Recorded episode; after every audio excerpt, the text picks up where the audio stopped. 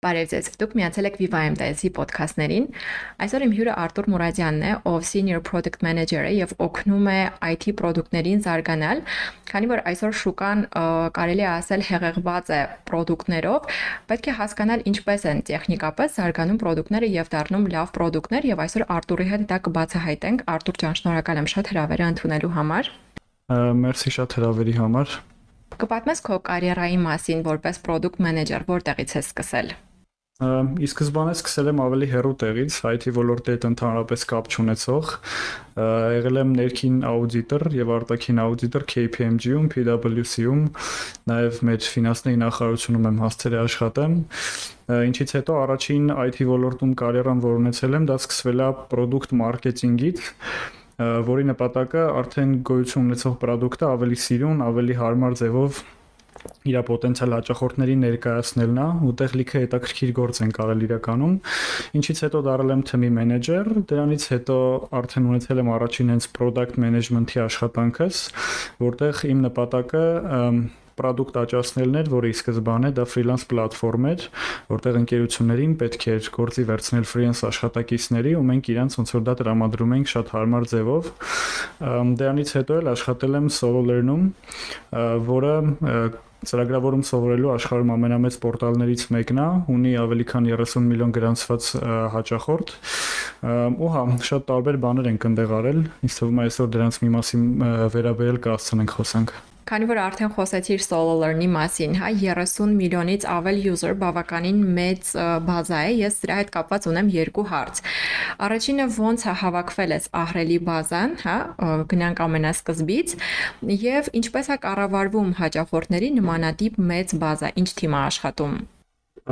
Իրականում product-ը իր ճնշող մեծամասնությամբ user-ների, այսպես ասած, աճել է մաքսիմալ օրգանիկ Այսինքն 7 տարի առաջ ստեղծվել է Solo Learn-ը, որը ի սկզբանե եղել է ամեն ինչի կուրսեր, այնտեղ կար ֆոտո էդիթինգի կուրսեր, այնտեղ կար ծրագրավորման եւ այլն եւ այլն։ Հետո ու ինքը sense բավականին լավ ինքը իրանով աճել է, այսինքն ուղղակի ի սկզբանե առաջին թիմը մարդկանց, ովքեր աշխատել է վրան, կարացել է ստանալ այնց product, որը բավականին լավն է եղել ու եղել է լրիվ ծրի։ Այսինքն չի եղել ոչ մի տիպի մոնետիզացիա, ինքը ուղղակի կար ու իր նպատակը էր, որ մարդկանց օգնեն ինչ-որ նոր բաներ սովորել ու շատ հետաքրքիր ձևով այդ product-ի շուրջ ստեղծվել է, քանի որ ինքը ծրի էր, ու ինքը App Store-ում կար, ու ինքը Android-ում էլ կար, ու ինքը Web-ում էլ կար, ինքը sense լավ աճում էր ու աճում էր մաքսիմալ օրգանիկ։ Իր ռանկինգներն էր բարձրանում ստորերում, մարդիկ իրենց մասին, իր մասին բլոգ պոստեր էին գրում, շատ տարբեր տեղեր ու ընդհանրապես գումար չի ծախսվել ոչ մի տեսակի ռեկլամի վրա։ Ինքը իրանով sense full աճել է ու քանի որ product-ը այդքան հիասքանչեր ու լավն էր եւ այլն, իր շուրջ ստեղծվել էր շատ մեծ community, ով որ այդ product-ը առաջ էր տանում։ Product-ի ստեղծումից մի քանի տարի հետո իրականում գտնվել են լիքը Discord-ում տարբեր community-ներ, որոնք հավաքվել էին Solar-ի շուրջ ու մարդիկ ընդ քննարկում էին ինչ որ բաներ, որոնք իրանք սովորել են, ինչ որ թեմաներ էին իրար հետ խոսում, ինչ որ բաներով էին կիսվում։ Ու իրականում Solar-ն իր էվոլյուցիայի ընթացքում գնացել է նրանից, որ ի սկզբանե ինքը ամեն ինչի կուրսեր էր, իսկ այս պահին ինքը մենակ ծրագրավորում սովորելու պորտալ է, որտեղ կան շատ տարբեր ծրագրավորման լեզուներ ու ամեն լեզու ունի իր կուրսը ու այս 30 միլիոն user base կոչվածը հավաքվել է իր 90 քանի տոկոսը մաքսիմալ օրգանիկ ուղղակի մարդիկ բերել են ուրիշ մարդկանց գրել են բլոգ պոստեր որտեղից ուրիշներն են իմացել եւ այլն Իսկ ինչ վերաբերվում է նրան թե ոնց է այս ամեն ինչը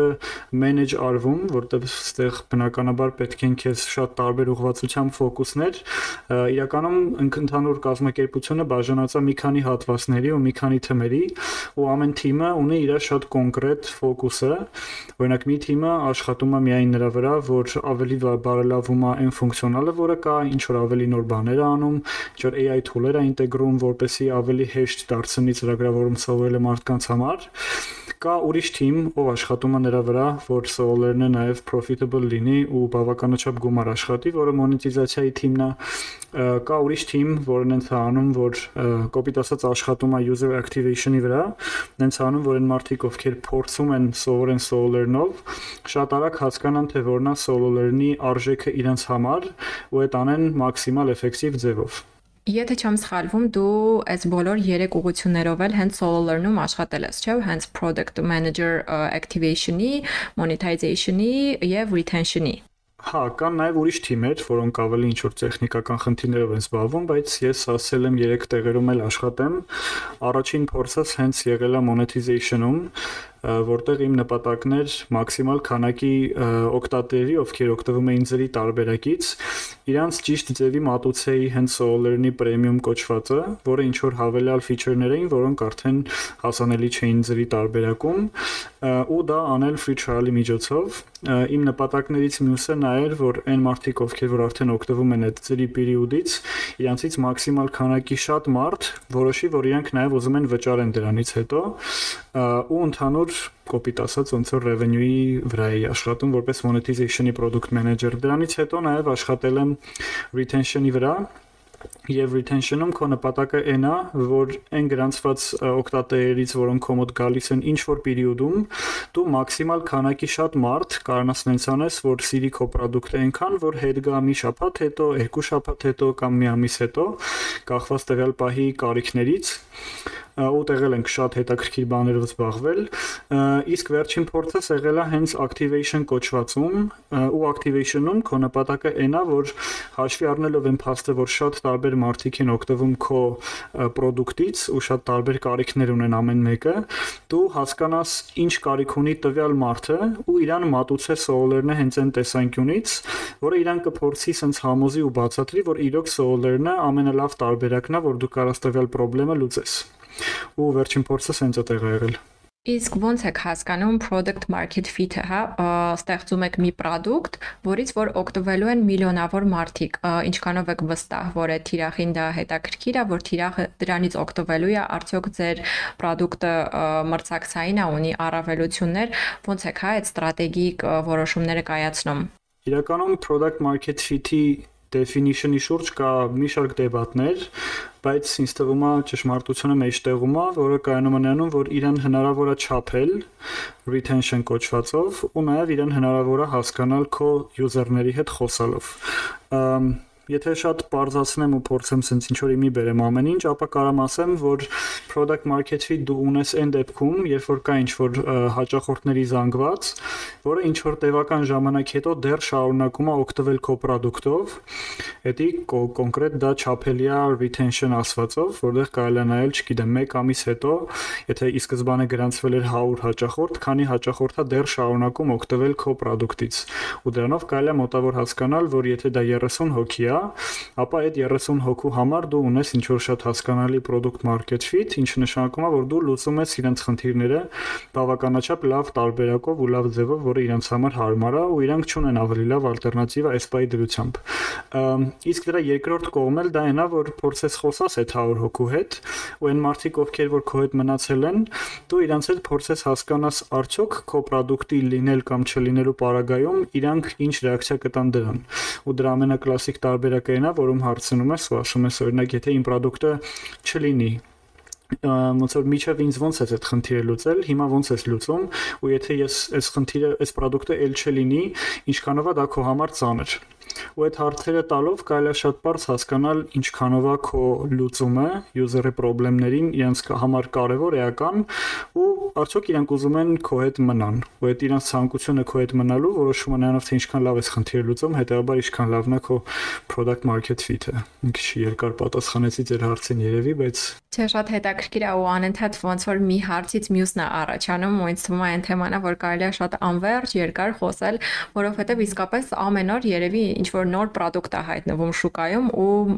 նման ընկերությունների համար մեկ խնդիրը դարձնել իրանց product-ը ցանկալի, սիրելի ու երկար հա օգտագործման։ Խոսենք Արտուր user activation funnel-ից, հա, այդ կոչվածից նախ կբացատրես ինչա, որpիսի մեր ունկնդիրներն էլ դա հասկանան ու ոնց է դա տեղի ունենում, ոնց է հաճախորդը user-ը դառնում հաճախորդ, հետո դառնում paid user, հետո ոնց է աշխատում նրա վրա, որ ինքը մնա ձեզ հետ եւ այլն։ Շատ լավ։ Կարակ սպասեք, որ լիքը անգլերեն բառեր են հնչելու, որտեղ տերմինները հայերեն թարգմանելի չի, իսկ եթե թարգմանելի է, ապա պետք չի դա անել, բայց Երևի պետքա սկսենք նրանից, որ հասկանանք ընդհանրապես ինչ ստրուկտուրա ունի product-ը յուրաքանչյուր, որի հետ դուք առնչվում եք։ Իր ամենապարզ բացատրումը դա funnel կոչվածն է, որը հայերեն ձագար է ինձ թվում է, որը sense ստրուկտուրա է, որում ամենավերևում դու ունես շատ քանակի մարդ, որոնք end user-ներն են իրական աշխարհում, որոնք քո ծրագրից փորձում են օգտվել, եկեք տենց իրան define անենք, իսկ ամենաներքևը դրա շատ ավելի նեղ հատված է, որում շատ քիչ քանակի մարդ է մնացել, ու այդ այն մարդիկ են, ովքեր որ քո sense նվիրված ու նվիրյալ user-ներն են, ովքեր քո product-ը հաճախ օգտագործում են ու վճարում են քո product-ի համար ու իրականում product management-ի ամբողջ աշխատանքը կայանում է նրանում, որ առաջին կետով հասկանա թե որտեղ է պետք ֆոկուսվել, դու ուզում ես ավելի շատ մարդ ավելացնես ամենավերևում, թե դու ուզում ես նենց անես, որ այդ արդեն եղած քանակի մարդկանցից մաքսիմալ քանակի շատ մարդ մնա քո հետ ամենաներքևում։ Իրան կարելի է կոպիտ ասած պատկերացնել որպես ծակ վեդրո, որտեղ դու անդադ ջուր ես լցնում, ու այդ ջուրը ծակերից գնում է։ Այդ ծակերը կոպիտ ասած քո product experience-ի տարբեր կետերն են, իսկ այդտեղի ջուրը քո user-ները ու հիմնականում product led growth ասելով մենք հասկանում ենք աճացնել product այդ ծակերը փակելով ու activation-ը հենց այդ կտորի վրա շատ գործ է անում հիմա եթե հետ գանք հիմնական հարցին user activation funnel կոչվածը դա այն ճանապարհն է որը հաճախորդը անցնում է ու ինքը սկսվում է այն պահին, երբ որ ես առաջ անգամ լսում եմ ձեր product-ի մասին, օրինակ ես լսեցի, որ կա solo learn։ Այդ իմ առաջին կետն է activation funnel-ում։ Դրա երկրորդ կետը այն է, որ ես գնում եմ, ասում լավ, այդ ի՞նչ է այդ solo learn-ը։ Mobile app-ը բացում եմ, գնում եմ App Store, search եմ անում solo learn։ Տեսա, որ հա, ինքը փաստորեն code learning է եւ այլն։ Ինձ ինքը գրավում է, ես քաշում եմ ծրագիրը։ Այս արդեն հաջորդ կետն է։ Դրանից հետո ես բացում եմ այդ ծրագիրը, ես գրանցվում եմ, սարքում եմ իմ account-ը, որը sign up-ի պահն է Դրանից հետո էլ ես ասում եմ լավ, հələ բերեք մի հատ տեսնենք ոնց որ ինձ ինչա տալու այս ծրագիրը։ Անցնում եմ իր onboarding-ով, հասկանում եմ ինչի մասին է ինքը ու մտնում եմ առաջին դասը, ոնց որ չգիտեմ, Python եմ ուզում սովորեմ, բացեմ Python-ի առաջի դասը, հա։ Ու այս առաջին դասը ես պետքա վերջացնեմ, որ երկրորդ դասի մեջ ընկնեմ, հետո երրորդի մեջ ընկնեմ ու սենց ոնց որ հաջորդականությունը նորմալ ընթանա։ Ու դրա տրամաբանական ավարտն էլ կլինի նրանում, որ ինչ որ պահի ես նկատեմ, որ կա նաև ինչ որ փողով feature-ներ, ասեմ, «Ահա, կայֆա դզեց, եկեք փողել տանք, սրանցից էլ օգտվենք։ Հիմա ինչա անում user activation-ը։ User activation-ը Անենց անում, որ մաքսիմալ շատ մարդիկ, ովքեր որ լսել են product-ի մասին ու գիտեն այդ product-ը, հասնեն այն կետին, որտեղ իրանք արդեն հասկանում են թե product-ի value-ն, կոպիտ ասած product-ի արժեքը, որն է իրանց համար։ Ու երբ որ դու այդ աշխատանքը անում ես լավ ու անում ես էֆեկտիվ ու մաքսիմալ շատ քանակի մարդ ես տանում այդ կետին, այդ ժամանակ դու նաև ավելի շատ գումար ես աշխատում վերջում, որտեղ շատ մարդ է հասկանում թե դու ինչի մասին ես, ու նաև ավելի շատ մարդ է քո հետ մնում ինչ որ X ժամանակ հետո։ Եթե շատ տենց կիսա երկար պատասխան տամ, ապա դա կլինի։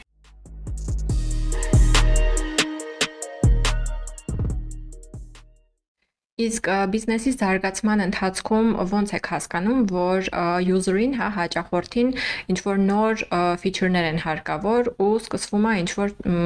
հավելյալ product-ի մշակումը, զարգացումը, ներկայացումը։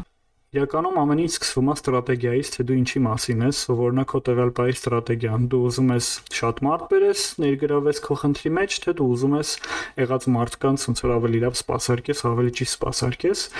Իրականում կա տարբեր պատճառներ, թե ոնց են ինչ որ feature-ներ սարքվում, ինչ որ շատ տարբեր բոլոր product-ներում, որոնք բոլոր մարդիկ օգտագործում են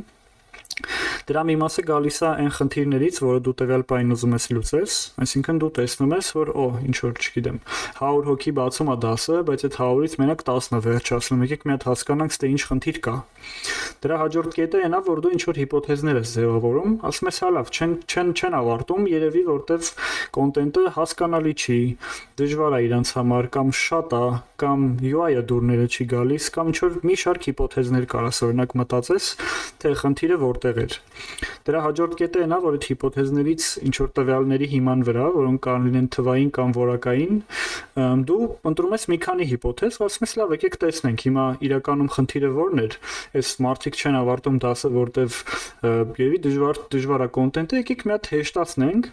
ու եթե դու մեծ product ես, որը ունի միլիոնավոր հաճախորդներ, դու այդ luxury-ն չունես, որ դու որոշում կայացնես ասես, շո մի հատ փոխում ենք սաղի համար, տենանք ինչ կլինի կոպիտ ասած։ Դու անում ես A/B testing։ Դու կիսում ես քո user-ներին երկու հավասար մասի random տարբերակով ու մեկին մի տարբերակն ես տրամադրում, որ այն էր ինչ կար։ Ու երկրորդը տրամադրում ես այն ինչ որ նոր վերսիան է,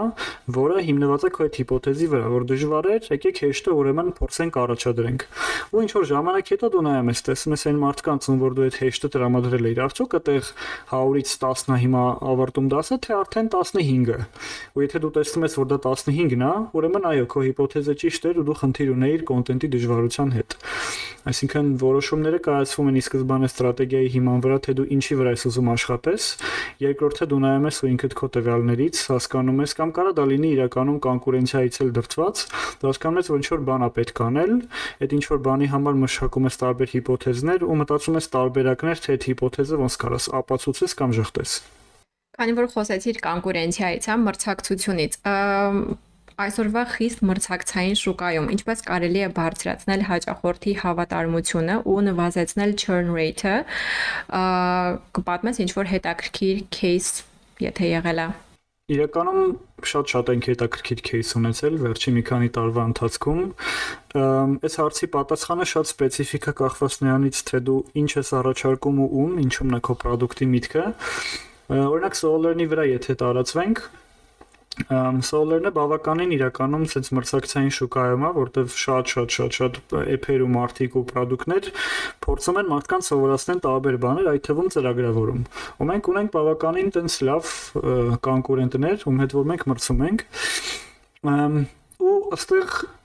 ամեն ինչը գալիս է նրան, թե ինչքանով ես դու լավ հասկանում, թե մարդիկ ինչ են քեզնից ակնկալում, քեզնից ասելով ի նկատի ունեմ քո product-ից։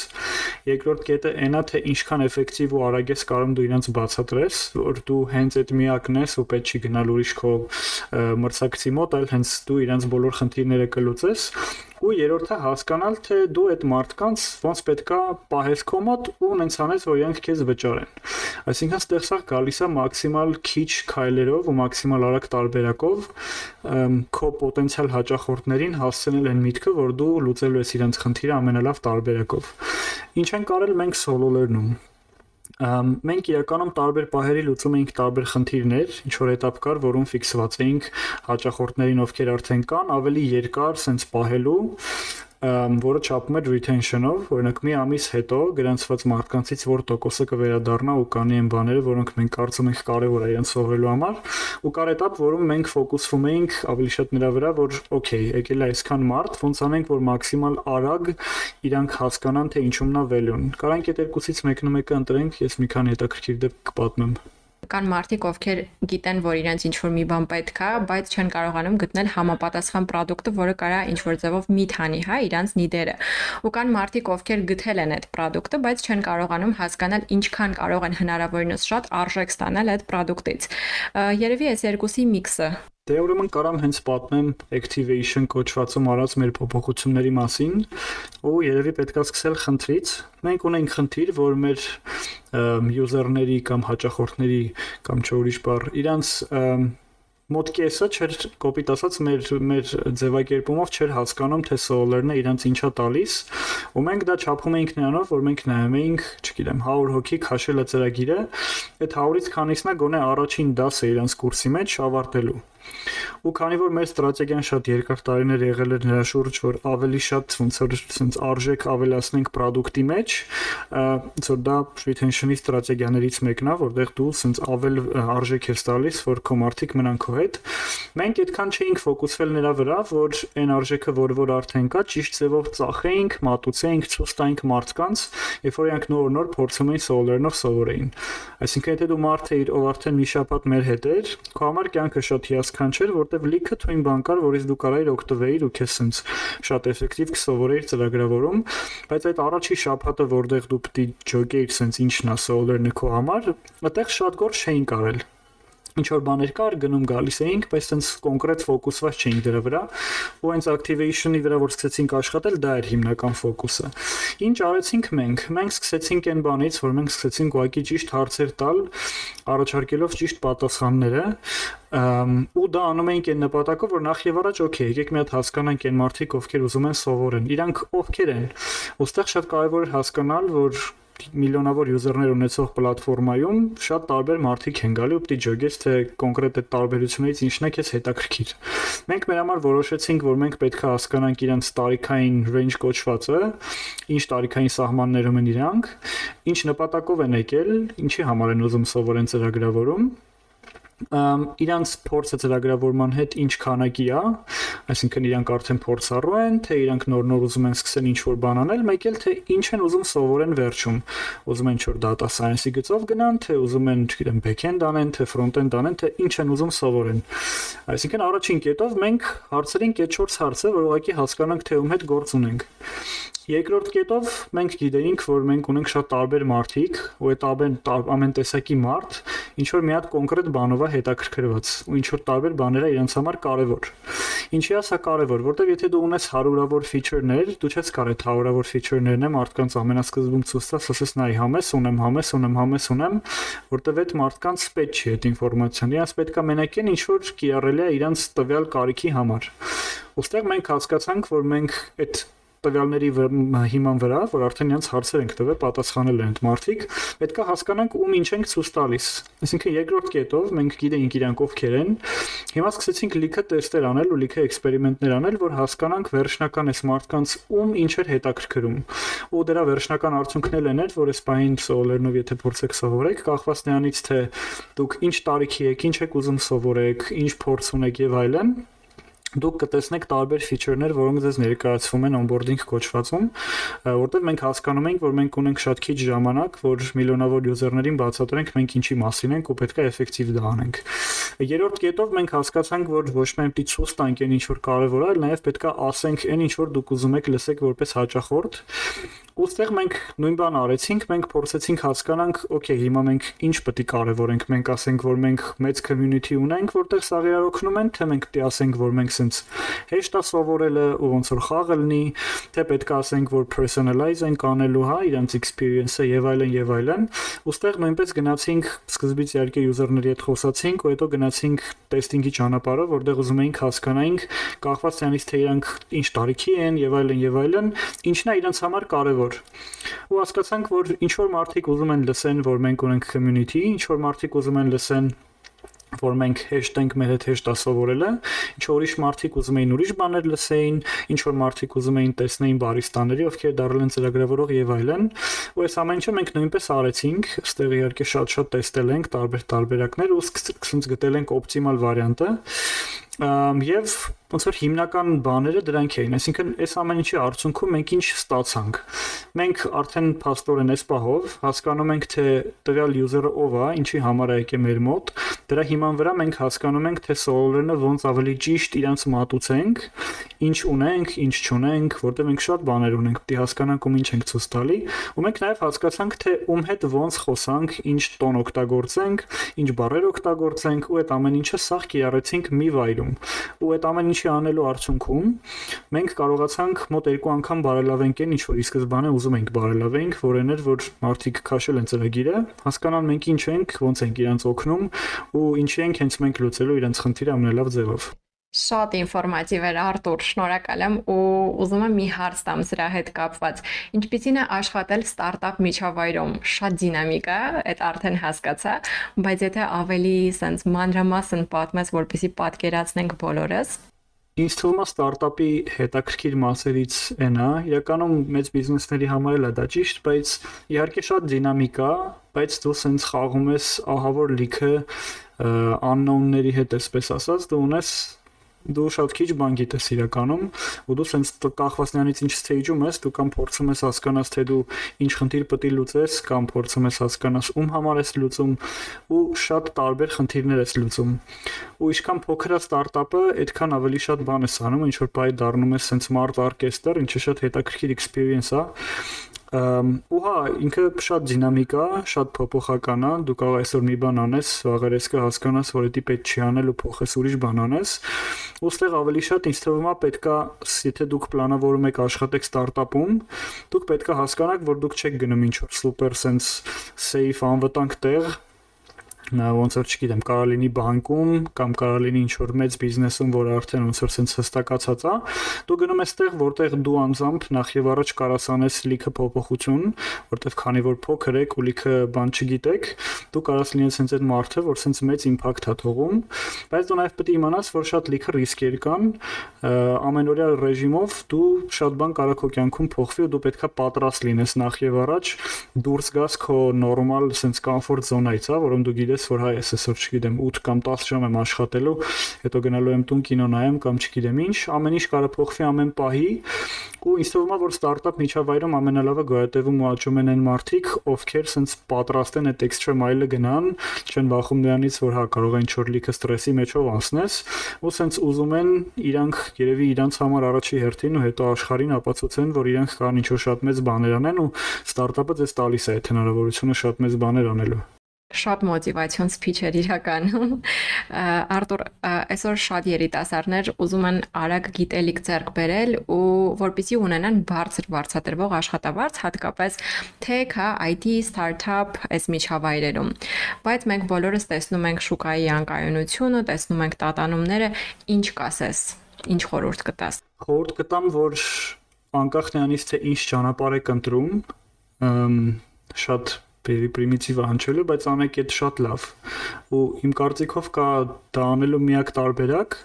պետքա իրոք խորանաք հիմունքներում ու հասկանաք թե ինչի եք անում են, ինչ որ անում եք տենց վերջը շատ հետաքրքիր սպիչ էի լսում, որտեղ մարդ ով անverջ framework-ներ էր սարքել product management-ի աշխարհում Casey Winters անունը, եթե ինչ որ մեկը ուզում է իրան նայու հետևի, ինքը ասում էր, որ ես ինձ դրել եմ մի աշխարհում, որտեղ ես սարքել եմ անverջ framework-ներ, որով product manager-ներ աշխատում են, ու երբ որ ես գործի մարդ եմ վերցնում, ես հասկանում եմ, որ իրանք չեն օգտագործում իրանց ուղեղը, այլ օգտագործում են իմ սարքած framework-ը, որը ինձ պետք չի, ինձ պետքա որ ես մարդ բերեմ, ով մտածում է, որտեղ այդ framework-երը ոնց որ դա ուղակի քեզ կողմնացույց է, հա, իսկ որ դու ինքդ կարողանաս ինչ որ բաներ մենակով անես ու չօգտվես նրանից ինչ որ արդեն 100 տարի parza, դու պետքա հասկանաս ինչի համար ես դա անում Այսինքն հետ գալով ձեր հարցին, թե ինչ եմ ես կարծում դրա մասին, ինձ թվում է, որ մարքեթները միշտ էլ ինչ որ պահի դժվար են լինելու, ինչ որ պահի հեշտ, ինչ որ պահի ունենալու ենք ֆինանսական խնդիրներ աշխարհում, ինչ որ պահի չենք ունենալու, ու միշտ լավ մասնագետը ինձ թվում է իրան գտնում է Իսկ լավ մասնագետ լինելու համար դու նախ եւ առաջ պետք է հասկանաս, թե ինչի ես անում դու այն ինչ որ անում ես, ինչի է աշխատում այն ինչ որ դու անում ես, ու ինչի չի աշխատում այն ինչ որ դու անում ես։ Շնորհակալ եմ շատ Արտուր, շատ հետաքրքիր զրույց էր ու մեր բախտը երևի բերել է իսկապես, որովհետեւ Viva-ի ոդքասթների բոլոր զրուցակիցներն են շատ հետաքրքիր։ Ես քեզ մաղթում եմ, որ շարունակես դու զարգացնել եւ օգնել այլ ընկերությունների ու մարդկանց զարգացնել, ստեղծել մրցակցային ապրանքներ եւ շնորհակալ եմ շատ քո ժամանակի համար։ Ձեզ էլ մերսի շատ։ Ձեր բռնած գործերին էլ հաջողություն, ինչպես ասվում է։ Շնորհակալ եմ։ Դե ինչ մեր ոդքասթն ավարտվեց, եթե ունեք հարցեր կամ մեկնաբանություններ, կարող եք գրել մեր Facebook-ում, YouTube-ում, ինչպես նաև Instagram-ում։ Մաղթում եմ հաջողություն, լավ մնացեք։